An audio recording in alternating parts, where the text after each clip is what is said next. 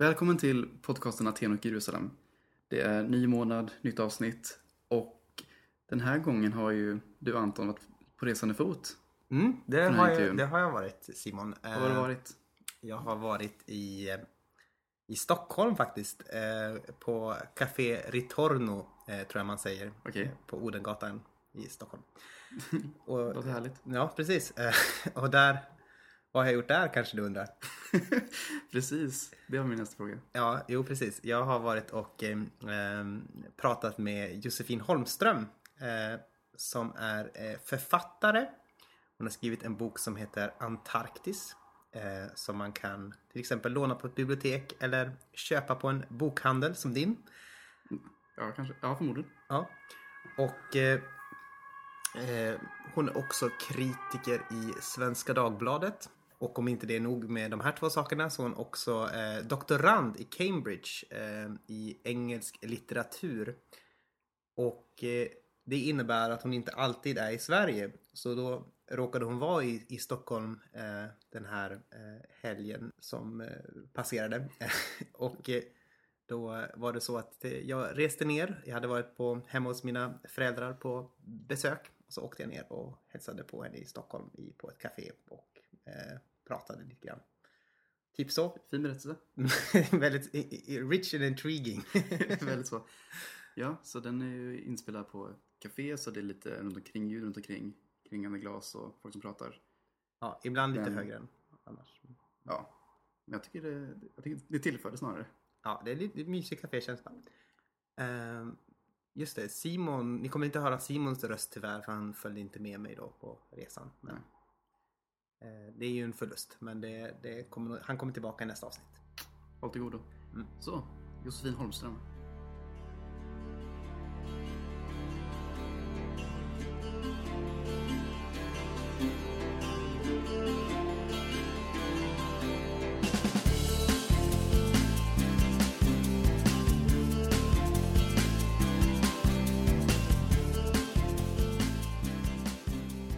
Trevligt att du kunde komma. Tack! Trevligt att komma. Ja, och det här är första gången vi i den här podden är i Stockholm faktiskt. Ser man på. Ja, denna skräckinjagande stad. Jaha, hej Josefin Holmström. Hej hej. Hej. Eh, första gången jag hörde talas om dig, eller jag läste någonting av dig, då var det en recension av, eh, av Dan Browns Inferno. Jag varnade min redaktör när han gav den till mig om att jag avskyr Dan Brown som övertygad kristen och att jag inte tänkte vara snäll. Och det, det, det var du inte. Det var, det, var ändå, det, det var någon form av, du sa att någonting var bra i den här för mig. Alltså, den var, Jag tror, jag tror att den var bättre än den förra. ja, något, han hade lärt sig skriva lite bättre kompletta meningar. Ja. ja, det är ju alltid bra att kunna. Men då tänkte jag faktiskt när jag läste den första gången så här, att det här måste vara en kristen författare. Jag försökte lyfta Dante i slutet. Ja. Precis, så tänkte jag, ja, det är nog inte, det är nog inte vem som helst som skulle göra det. Så då, ja, och då hade jag rätt också. Sen så koll, googlade jag namnet så hittade jag det. Var rätt. All information jag kunde hitta. ja. Men, och då kanske man kan... Jag vet inte om vi ska ta det nu eller lite senare, men jag funderar på det här med att vara en kristen författare. Mm. Vill du ta det nu eller vill du ta det sen? Det får du välja. Vi kan ta det nu om du vill. Då tar vi det nu. Mm. Eh, vad innebär det att vara en kristen författare? För mig så... På ett sätt är det väldigt naturligt för det följer ett mönster som har funnits genom jag menar, århundraden, årtusenden nästan. Jag läste engelsk litteratur på universitetet och eh, det går inte att förstå den litteraturen om man inte förstår Bibeln. Det är allt från alltså, de här tidiga Julian of Norwich och Chaucer och fram till Milton och vidare. Alla har läst Bibeln och inspirerats av Bibeln och många av dem är troende själva. Och jag ser ju Bibeln som den största, första och viktigaste berättelsen. Ehm, Den har ju den skillnaden att den är sann förstås. Men, Eh, så att vara kristen författare är på ett sätt väldigt naturligt men det är också ganska svårt i dagens klimat tror jag. Ehm, för att mycket litteratur är ganska okristen, eller ganska... den ska utmana väldigt mycket och vara väldigt... Eh, alltså, välta omkull maktstrukturer och då ser många att den kristna kyrkan är en sån maktstruktur. Men för mig personligen har det nog inneburit att jag har vissa berättelser som jag gärna vill lyfta och vissa teman som intresserar mig mer än andra. Eh, Och det skulle kunna vara ett tema som... förlåtelse eller eh, kärlek eller eh, vad det innebär att vara ärlig mot sig själv och andra. Eh, sådana saker. Mycket, mycket förlåtelse tror jag. Mm. Relationer. Och en sak som jag funderar på, eh, du hade ju en sån här liten Nordstedts eh, författarblogg som du skrev i. Och då skrev du lite grann om det. Och, eh, det som jag funderar på när du skrev om vad det innebär att vara kristen författare. Mm. Har man någon form av speciell relation till orden på ett sätt eh, som kristen författare, tror du? Ja, men det tror jag faktiskt. Ehm, På ett sätt så tror jag det skulle falla sig mer naturligt att vara en kristen poet för att då kan varje ord bli så mycket mer viktigt. Det är det här med ordet som blev kött och det att Gud väljer att tala med vårt språk. Han låter Bibeln bli skriven på hebreiska och grekiska och lite arameiska. Och väljer att tala till oss på det sättet vi förstår och han låter sin son bli människa. Vilket hela tiden är en sorts omvandling från det, det abstrakta till det konkreta och till det skrivna. Eh, Så ja, absolut. Jag tror att eh, goda kristna författarskap är mer intresserade av ordet.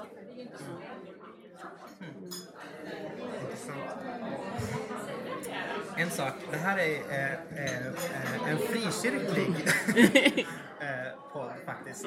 Lite ovanligt kanske. Eh, och då läste jag på läsarna att eh, du har gått från att eh, vara i en högkyrklig Ja. anglikansk kyrka till en baptistkyrka. Och det har jag aldrig hört talas om hos en akademiker.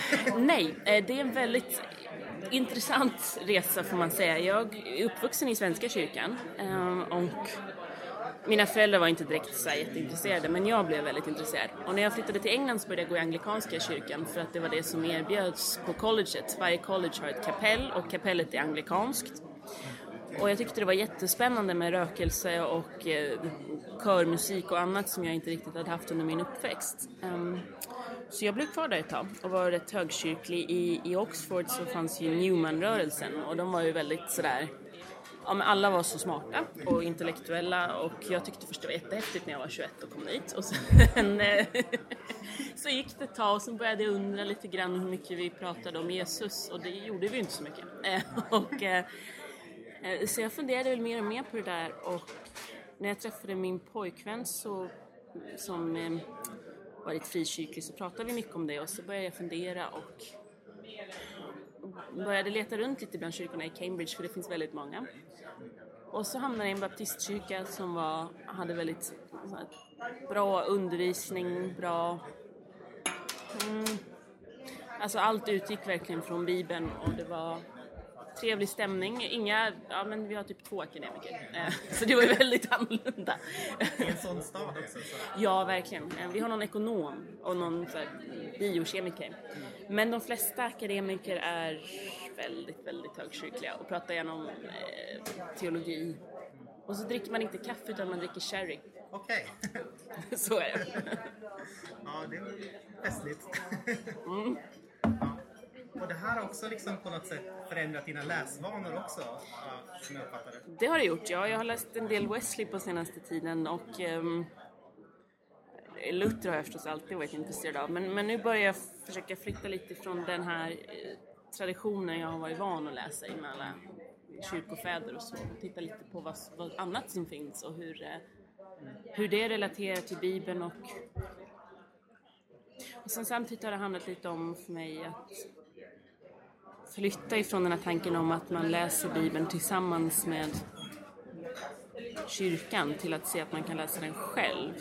Så i och för sig har jag alltid hållit ganska hårt på det men jag har många anglikanska vänner som tycker att det är skandalöst att tänka att man, en frikyrklig protestant sätter sig ner med Bibeln och litar på att man kan förstå den. Eh, för att de är såhär, men det, nej, kyrkofäderna och prästerna och kyrkan och det är lite farligt och eventuellt eh, lite sådär, ja, lite farligt där. Så det är ju intressanta nya perspektiv. Ja, absolut. Och Wesley kan man ju säga på ett sätt är ju lite av eh, båda och. Eh, Mm, ja. Både väckelse och eh, anglikan. Ja, absolut. Det- är klart. Det, menar, de kommer ju alla ur den anglikanska kyrkan. Även puritanerna i USA, de var ju därifrån. Och så flyttade de ut därifrån. Så den, det är klart att det finns eh, starka rötter där. Eh, men Wesley tycker jag är... Jag gillar honom för att han pratar om the still small voice. Liksom. Eller han, hans egen personliga väckelse var inte någon sån här explosion utan det verkar mer ha varit att han blev kände att nej, men det här var rätt. Och jag tycker det var ganska befriande. Du har ju då sagt, eh, jag tror att det är så att det är Cambridge, inte Oxford nu. Nu är jag i Cambridge. Och, och vad gör du i Cambridge? Jag doktorerar i engelsk litteratur. Jag skriver om eh, angloamerikanska poeter i Italien mellan 1845 och 1870, så det är väldigt specifikt. Ja, väldigt specifikt. Ja. Vad är det som är eh, intressant med, de här, med den specifika eh, Eh, rörelsen eller gruppen? Ja, det är väl det att eh, det var en tid då det hände väldigt mycket både i Europa och i USA. Eh, I USA så påbörjades inbördeskriget runt 1860. Och i Italien, det var Italiens återförenande som hände då. Och samtidigt var det väldigt många engelsmän och amerikaner som åkte till Rom och Florens och skrev. Och de blev påverkade av alla de här politiska händelserna och pratade med varandra om vilka likheter och skillnader det fanns. Och, eh, så det är liksom, jag började med Emily Dickinson som inte var i Italien själv men skrev väldigt mycket om det och skrev mycket om Italiens vulkaner. Och så började jag titta efter hur vulkanen som symbol användes av poeter som befann sig där och det visade sig att det var ganska många som skrev om vulkaner och så växte det ur det här att se hur, hur folk beskriver politiska skeenden. och lite också eh, skillnaden mellan en protestantisk och en katolsk syn på litteratur. Det håller jag på att skriva om just nu. Om hur Dickinson som växte upp i puritanernas Amherst, där de verkligen var kalvinister. Och så, hon var väldigt intresserad av Italien och skriver ibland om katolicismen. Och hur det påverkar hennes poesi. Hur påverkar hennes poesi? Eh, Jag tror att hon var lite lockad av eh, en- den här katolska idén om att Gud hela tiden uppenbarar sig i naturen. Att värld- skapelsen är inte riktigt fallen på samma sätt. För att hon eh, sa själv att hon inte kunde bli helt och fullt kristen eftersom hon tyckte för mycket om världen. Så hon var väldigt ärlig, väldigt frank om det. Men ehm, jag tror att hon var lite lockad av den här mera Mm, som jag förstår katolicismen så är den mera intresserad av vad som händer på jorden. Medan jag ofta tänker lite på vad som ska hända sen. Eller liksom, Just ja, det. Du är lite mera utomvärldslig. ja, lite faktiskt. Ja, okej. Intressant. Och det är ju... Hon har väl ändå fått... nej, Jag vet inte, jag är ju ingen Dickinson-expert. Det har jag skulle med skrivit här. Jag är ingen Dickinson-expert. Men eh, det är ändå intressant att hon har, att hon har fått ett sånt eh, genomslag. Mm. Med tanke på att hon var lite av en enstöring ändå, kan man väl säga.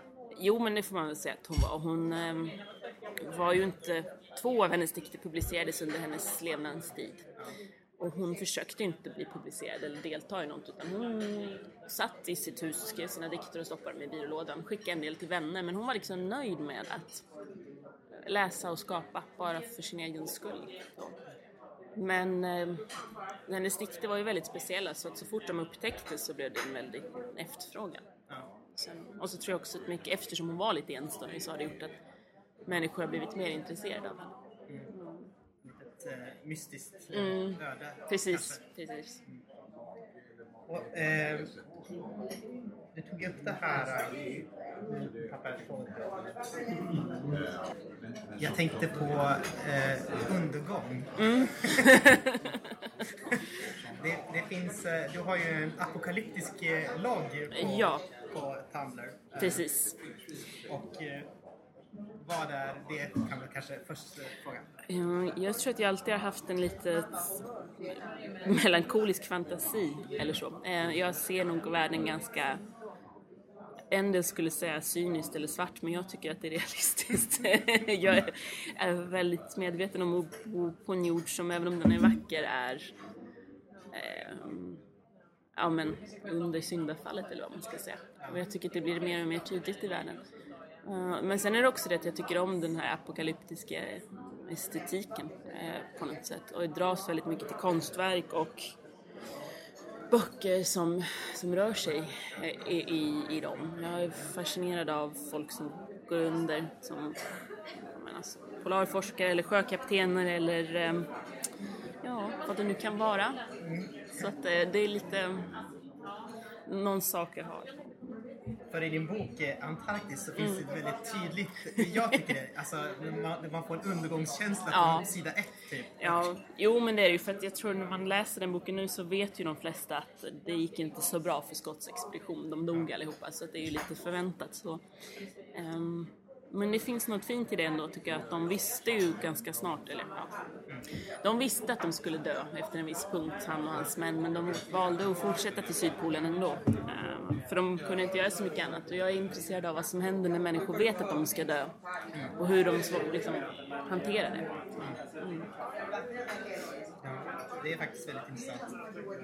Och eh, precis, eh, för de som inte vet det så är ju eh, Robert Falcon Scott en man som aspirerade för att nog bli först på Sydpolen men eh, inte lyckades med det. Eh, utan det var en norrman som hann före. Ja. Olyckligt nog. Och det tänkte jag på, det här med, med misslyckade män verkar du ha något intresse för. Och, då, och det tänkte jag, nu kommer jag ihåg vad jag gjorde kopplingen. Att eh, Emily Dickinson eh, var ju ganska nöjd av sig på något sätt och hade inte högflygande planer. Nej. Ja, ja, ja, men jag undrar ändå på det här, det är en lite intressant spänning på något sätt. Jag, jag gillar misslyckade män för att de har alltid sådana fantastiska ambitioner, speciellt under den viktorianska eran, när man, eller den edvardianska för den delen, när man bestämmer sig för att nu ska vi göra någonting här och det, det får kosta vad det kosta vill. Och det är väl så att under den tiden var det mest män som gjorde det. Um, det är inte så att jag tycker det är kul när män misslyckas utan det är bara det att de råkar göra de här spännande grejerna. Om eh, några hundra år så har säkert fler kvinnor misslyckats spektakulärt men, eh, men det är något romantiskt i det ändå. Men så här, mm, vackra män som dör. Jag vet inte. Det, det, liksom, det gör sig bra i litteratur. Ja, absolut. Eh, och det kan man väl säga att det finns en, en tema också av, av, eller ett litet tema i alla fall, av, eh, av att nå ära i, i boken. Alltså att, att eh, sträva för äran för ärans skull på ett Ja, sätt. ja men det, jag tror att det var viktigt för det brittiska imperiet på den tiden. Eh, de här sista skälvande dagarna på något sätt. Ehm, för det finns ju ingen riktig anledning till att någon skulle till Sydpolen. Det fanns ju ingenting där. Det är ju bara snö. Ehm, men det var det där att komma först. Och jag tycker väl egentligen att det är rätt meningslöst. Jag har aldrig förstått mig på folk som klättrar upp på K2 eller Mount Everest bara för att klättra upp egentligen. För det känns lite, men det är en intressant aspekt av människan tycker jag. Det där med att man så gärna vill bli, ja, nå ära. Det, mm. Och då, och då är det också intressant att tänka på de här, de som inte, de som inte strävar efter ära Mm. ändå, men på något sätt hur, eh, hur, hur, hur, kan det finnas sådana människor? Ja, det undrar jag också. Jag har undrat mycket över just Dickinson, varför hon inte försökte bli publicerad. För jag tror att hon förstod precis hur bra hon var. Den uppfattningen har jag fått av det att hon valde ett sånt tillbakadraget liv och verkligen skrev och skrev och skrev och gjorde det till sin huvudsyssla. Så hur kan en människa vara så nöjd med att bara skapat något och inte visa det riktigt? Det blir inte riktigt begripligt i den värld vi lever i idag kanske, där det är så lätt att publicera sig själv eller synas. Mm. Men det är något som jag önskar att jag kunde förstå med Dickinson och jag, jag tycker inte riktigt att någon har svarat på det. Det är många som har undrat över det här men det är ändå ingen som riktigt kan säga varför. Det, Ja, det är väldigt intressant. Mm. Jo. Jag, jag har funderat också lite grann på, på Bea Usman när jag läste din bok. Jag, Mm. Just det. Du kanske har fått den frågan förut? ja då. För hon är ju väldigt intresserad. Hon gick ju in väldigt mycket för det här med Ja, André-expeditionen till verkligen. Mm. Nordpolen. Och eh, nästan lite fanatiskt. eh, Ja, liksom. det blev väl någon, nästan någon sorts psykos där tror jag. Det var... Och, eh, och Gertrud som är huvudpersonen i Mm. Antarktis, hon går ju också väldigt mycket in för det här med Robert Falcon Scott. Ja, det är lite samma sorts absoluta besatthet tror jag. Eh, Jag tyckte väldigt mycket om B. Usmans bok. Den var lite, men det, man blev lite orolig för den i slutet där nästan. Det, det är väldigt... Som jag förstod det så utbildade hon sig till och med till läkare bara för att hon skulle kunna förstå hur André och hans män hade dött. Och det är ju lite extremt. men ja, men jag tror att det, är någon, det verkar vara så att med Sydpolen och Nordpolen så blir folk sådär galna. När jag, innan jag skrev Antarktis intervjuade jag ett antal polarforskare på Stockholms universitet. Och de berättade ju alla om, om den här känslan av liksom, total frihet de hade på Sydpolen. Och det blev berusande och det, blev liksom, det var jättesvårt att komma hem efteråt. Så det verkar som att det verkligen förändrade dem på djupet. De blev deprimerade när de var tvungna att komma hem och svara i telefon och betala räkningar. Och... Så det är, det är liksom något i det där absoluta tror jag. Men det finns ingen sån här... Eh, det, det är inte inspirerat av henne på något sätt? Eller? Nej, våra böcker kom ut samtidigt. Det är, ju- så att- det är väldigt märkligt. Ja, det är märkligt. När de antog min bok så sa de ja, vi har ju den här också som kommer ut samtidigt. Så att jag visste inte om det förrän det var, den var skriven. Så, Det var, det var, 2013 var, sy, eller var polernas år ja, kanske? det, var, det verkar vara det. Det var någon konstutställning på Louisiana också. Så det var ju liksom så här, tre grejer i Skandinavien, då är det en trend. Det är verkligen en trend, kan man säga. Ja. Eh, och, där, och Gertrud hon verkar få någon sorts direkt eh, uppkoppling till mm. Scott också. Ja, eh, hur, på något sätt så tror jag hon får det där. Det, det, man vet aldrig vad som rör sig ute på Sydpolen. Nej. Ehm, Det blir en sorts totalt uppgående i hans medvetande eller hans... Eh, något som kanske kan hända människor som har för mycket fantasi. Har det, har det hänt dig? Nej, jag, kan, jag är inte fullt så gränslös men ehm, jag kan nog leva mig in ganska mycket i hur, hur saker och ting är. Eh, så, nu kommer min, min eh, läsnings... Hur jag läste din bok. Eh, Ah, spännande. Då tänkte jag, när jag först... Eh, när jag tänkte, då tänkte jag liksom på förhållandet till Antarktis. Eh, från början, tycker jag det, då är det som eh, Gertrud på något sätt pressas in mot sig själv, eller det har du skrivit till och med, av, av Sydpolen. Det blir som en, Ja, som en, som en projektionsduk egentligen. Ja, precis. För, det, behöver vara tomt. ja.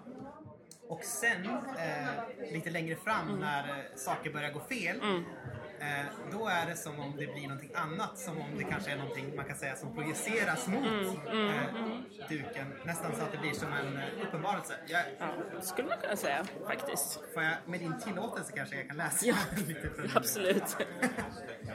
Eh, och då står det så här till exempel. Jag packar ihop med mekaniska rörelser. Tältet får stå uppspänt. Jag kan ändå inte bära både min packning och Jonathans. Det ser ut att vara morgon, men Antarktis undergångsljus, atombombsljus, är svårt att läsa av. Det känns som om jag har små sandkorn i ögonen. Det svider och kliar. Blicken vill inte fästa på något. Är det här, är det, är det, det är det här som är snöblindhet? Fotoelektrisk keratit. Ungefär vad man kan få av den antarktiska solen. Strålning, brännskador, sår på hornhinnan, för mycket ljus. Alltså för mycket genomlysning. En alltför stor uppenbarelse. Nej, jag är inte redo att se öga mot öga. Jag tycker att det verkar vara lite som ett Damaskus-ögonblick på Ja, något sätt. men det, det är det nog. Och det där med att se öga mot öga och få den här totala uppenbarelsen. Hon är ju i, i andliga termer inte där än. Ja. Jag ser henne väldigt mycket som en kvinna som inte har lyckats som på något sätt inte har tagit ansvar för sitt eget liv och vad som har hänt i det och därför är ovillig att förlåta än så länge. Um, och det, boken för mig handlar lite om hennes resa mot att känna empati för andra människor och därmed kunna förlåta dem. Så det blir visst, det är ju någon sorts Damaskus händelse som händer henne där ute på poolen i det här vita. Jag, på något sätt möter hon ju Gud i den här absoluta katastrofen. För att hon eh, blir medveten om man skulle kunna säga kristnet är med sin egen synd på något sätt och gå från att vara offer till att bli ansvarig. Och det här eh, mötet på något sätt Mm. leder ju till försoning i, i slutändan Mm. också. Och det är väl något som jag tycker är viktigt i, i litteratur. Det är lite så här ohippt att säga men jag gillar om det finns någon form av... jag menar... Man skulle kunna skriva den här boken och ha något väldigt brutalt slut, att ingenting ordnar sig, men jag vill ändå... Jag tycker inte att det är en hållbar, ett hållbart sätt att leva på. Eh, och jag vill väl visa att det är möjligt att försonas, tror jag. Och att det är inte bara möjligt, utan en skyldighet på något sätt. Och då tänker jag lite grann på, på brott och straff. Mm. Också kommer jag att tänka på spontant. Att, eh, den är ju väldigt utskälld den här epilogen. där. Mm, precis. Alltså, att, man, att den avslutar, det är lite fint så här och han sen att jag kanske också kan börja tro på Gud eller sånt där. Ja, den är väldigt utskälld. Men, men, den, men den är ju på något sätt också, det skulle kanske vara lite för hemskt om det är innan. Ja. så. ja, men det tycker jag också. Det är tillräckligt svårt att leva ändå om eh, vi inte har möjligheten till försoning. Och det har väl aldrig varit viktigare än nu, eh, när hatet växer så mycket. Så det, mm.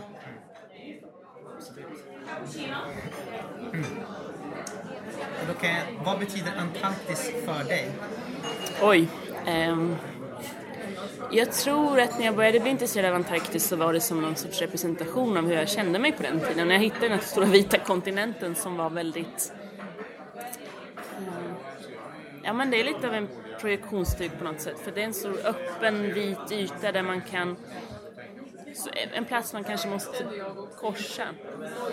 Ehm, och konfronteras med tomheten inom sig själv eller vad det nu än är. Men det handlar mycket om utsatthet, tror jag. Ehm, och sen tycker jag också att det verkar vara en väldigt vacker plats. Där det har hänt mycket spännande saker för att människor har rest dit med sina hundar och slädar och allt vad det är. Ehm, Mm. Skepp som har frusit fast i isen. Så det är två delar. Det är dels det historiska och sen det psykologiska. Och, eh, och undergången. Ja men är det inte lite som en efter en atombombs... Ja men så här...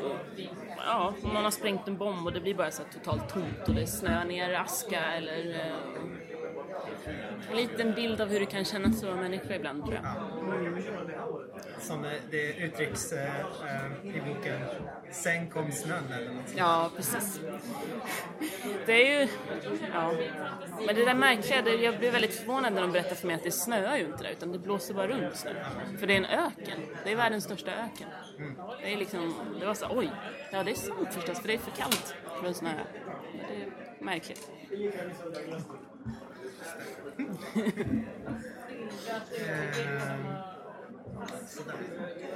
Då har vi egentligen bara... Ja. Har du något mer du vill prata om förresten? Nej, jag tycker du har ställt bra frågor så jag känner mig rätt nöjd. Vad, glad jag blir att höra. Eh, jo, då brukar jag ha, vi har två frågor på slutet också Mhm. som handlar om eh, dels eh, vem Jesus är och då kan du sätta in en parentes för dig. Eh, Mm. Ja. Och eh, sen så har det också om framtida gäster. Om du har några tips på någon som Mm. vi borde intervjua. Så då börjar jag med, eh, är du beredd? Ja, jag är beredd. Med vem är Jesus Kristus? Ja, Guds son och vår eh, möjlighet att ha ett förhållande med Gud skulle jag vilja svara. Jag har nog ett väldigt så här, det får jag dig besviken men det är ett bibliskt svar. Det blir inte mer spännande. Så han är förstås mycket mer än det men eh, det är nog det viktigaste jag kan säga om Jesus. Att han är Guds son som har dött för våra synder. Det är liksom, och det är inte bara för mig, det är för alla. Jättebra. Det är väldigt, väldigt... eh, Det är, det är ord som inte blir... Ja, de slits inte så lätt ändå. Nej, de gör inte det. De har fortfarande kraft, tack och lov. Tack och lov. Eh, just det. Framtida gäster. Ja, nu ska vi se. Ni kanske skulle kunna prata med Christian Lundberg. Har ni försökt få dit honom? Nej, aldrig försökt. Nej, jag vet inte hur lätt han är att få tag på, men han är någon som har intresserat mig länge. För att jag vet att han är kristen, men han är inte så här jätte, alltid jätte, jättetydlig med det. Så då, han har skrivit väldigt intressanta böcker, så jag föreslår honom. Det var ett, eh, ett bra förslag. Ja. Och jag vet inte om vi... Det beror på om vi vågar fråga. Vi vågar fråga dig, så det är Ja, det är klart, det är bara att fråga kan man alltid göra. Absolut. eh, det var bra. Okej, jag tar en liten så efterfråga så du får klippa in sen också. Okej. Jag tänkte på, du har beskrivit Bibeln som en, som en spegel Mm. eh, där man ser sig själv på ett sätt. Och, eh, eh, är, är det det också som är rollen på, för din bok? Sätt, eller dina böcker? Framtiden? Ja, för mig är de väl någon sorts spegel. Man skriver en bok och så tittar man, läser man den och så säger man oj, fanns allt det här? Vad är det för någonting? Och så får man ju jobba lite med det. Och det är ju ganska läskigt faktiskt. Så att eh, den som skriver böcker får tänka sig för lite innan tror jag. Men jag är glad att jag inte skriver deckare för jag skulle nog må ganska dåligt om jag hade skrivit om styckmord och sånt och så var jag tvungen att tänka på var det kom ifrån. Och Bibeln är på något sätt en bok där alla kan eh, se sig själva Ja, också, absolut. kanske. Absolut, det tror jag. Om man läser den öppet, ehm, med ett öppet hjärta, så tror jag att man ser sig själv vare sig man vill eller inte. Det kanske inte alltid... Det är kanske därför många har svårt att tänka, att läsa Gamla Testamentet. Ja, jag att man det. känner igen sig själv för mycket. Jag tror det. Jag tror det. Det är en sån stor mänsklighet i Gamla Testamentet. Och, ehm, du har rätt i att det är väldigt många som viftar undan den och säger ja men det är Nya Testamentet nu. Men jag anser att Gamla Testamentet är alldeles livsviktigt för att förstå det nya. Absolut. Det är mycket som blir obegripligt annars. Det är väldigt... Gamla Testamentet ligger alltid i tiden på något Ja, det gör det. Det blir aldrig eh, inaktuellt. Eh, så, då ska vi se. Jag hade någonting till i huvudet men jag tror jag tappade bort det. Ja, men då kanske det får vara. Så. Okej. Det var väldigt roligt att prata med dig. Ja, det var samma. Detsamma. Tack så mycket. Tack.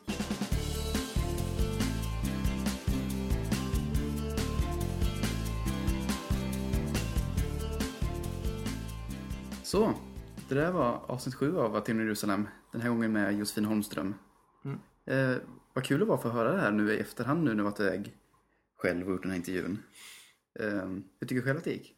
Ja, men jag tyckte det gick bra. Jag tyckte det var ett väldigt eh, livligt och trevligt samtal. Eh, Jag skulle säga att det är nog en av mina favoriter hittills Det är faktiskt. Mm. Skulle du säga att det är topp sju? Definitivt topp sju. Eh, ja. Vad, vad, tänkt, vad har du tänkt nu efter det här, det här samtalet då? Ja, men jag, jag har tänkt bland annat på eh, det här med eh, hur man uttrycker sin tro kanske. I, en fördom som delvis eh, har grund i verkligheten är ju att eh, författare och poeter så här kan uttrycka sig lite vagt när det kommer till sin egen personliga tro. Eh, så. Men eh, det är ju inte så mycket så med Josefin utan mm, det är ju väldigt tydligt och eh, en väldigt konkret tro som hon ändå pratar om och presenterar. Så. Hon talar ju också om, om kristendom eller så. Som, som ett sätt att liksom, att kristendom handlar på något sätt om att röra sig från eh, från abstraktion till det konkreta, att liksom ordet blir kött och så. Som jag tycker är ändå, det ligger någonting lite befriande i det. Och att tron liksom får också ska handla om någonting som berör hela livet. Så. Men verkligen, man fick verkligen liksom, eh, känslan av, eller man känner liksom eh, längtan av att tron är någonting som angår livet, att det är något som spelar roll. Absolut. Och där kan man också lyfta in det här med bibelbruk som jag tyckte var lite spännande. Eh, i- Vi kanske befinner oss på, i ett sammanhang där man på många sätt kanske rör sig bort från den här betoningen på den egna läsningen och att bibeln liksom eh, är någonting som den enskilde kan läsa och förstå. Mer mot att, att vila mot också tradition och kanske kyrkofäder och, och sånt där. Eh, som, som ett stöd för hur man ska läsa bibeln bra. kan man till exempel lyssna på Fredrik Vinell när han pratar om, om bibeln. Eh, och, och, och då Josefin som kanske kommer då från ett annat håll på ett, eh, en plats där man har betonat liksom kyrkliga hierarkier som ett stöd för hur man läser Bibeln och traditionen och också eh, kyrkofäder och, och, och andra eh, som något som, som ger stöd för hur man läser Bibeln. Och rört sig mer mot det här, den egna läsningen och att Bibeln är som en spegel där man ser sig själv, att man kan förstå Bibeln med, med, med Guds hjälp. Och jag tänker att det kanske alltid behöver finnas en sorts eh, möte mellan de här två eh, rörelserna. Att, eh, att de får korsbefrukta varandra. Det, ibland behöver man skifta, skifta liksom fokus från det ena benet till det andra. Men det är nog bra om båda finns med hela tiden. Mycket så. Mm. Så, men, eh, eller pratar ni om, hon, hon, har ju släppt, hon har gjort en roman, Japp. Antarktis. Eh, pratar någonting om eh, vad som ligger framför? Ja, det gjorde det faktiskt. Uh, Hon har i, i pipeline en, en ny bok eh, som kommer också att röra sig lite om kring kyla och eh, misslyckade män. Okej. Ja, det handlar om, om en person som försöker skapa artificiellt eh, norrsken så, med en stor maskin. Och, och som liksom kan skjuta upp en ren rå, eh, stråle av, av norrsken. Och, eh, eh, men han lyckas inte fånga det här på bild. Sen så spenderar han livet genom att måla det här liksom eh, eh, planscher. Okej. Hur det såg ut. Så det, så det kommer också vara kanske någonstans ändå i, i, i samma rörelse i samma riktning som det vi i den här boken Antarktis kanske man kan säga. Kul. Mm. Det ser vi fram emot. Ja, är det bra så? Det är bra så. jag ska säga. Ja, ja, men det var allting för mars månads avsnitt av Aten och Jerusalem. Jättekul att ni fortsätter lyssna. Kolla gärna, eller följ oss gärna på våra olika ställen på internet. Som Facebook och Twitter. Eh, kan ge betyg på Ge betyg på iTunes så att vi kommer högre upp i rankningen och sånt där. Ja, men, ja, men gör gärna det. Om inte annat för att det är väldigt kul att se, få, eh, det är så roligt för att få respons från er lyssnare. Absolut. Yes, så. Till nästa gång. Auf Wiedersehen. Nåd och frid.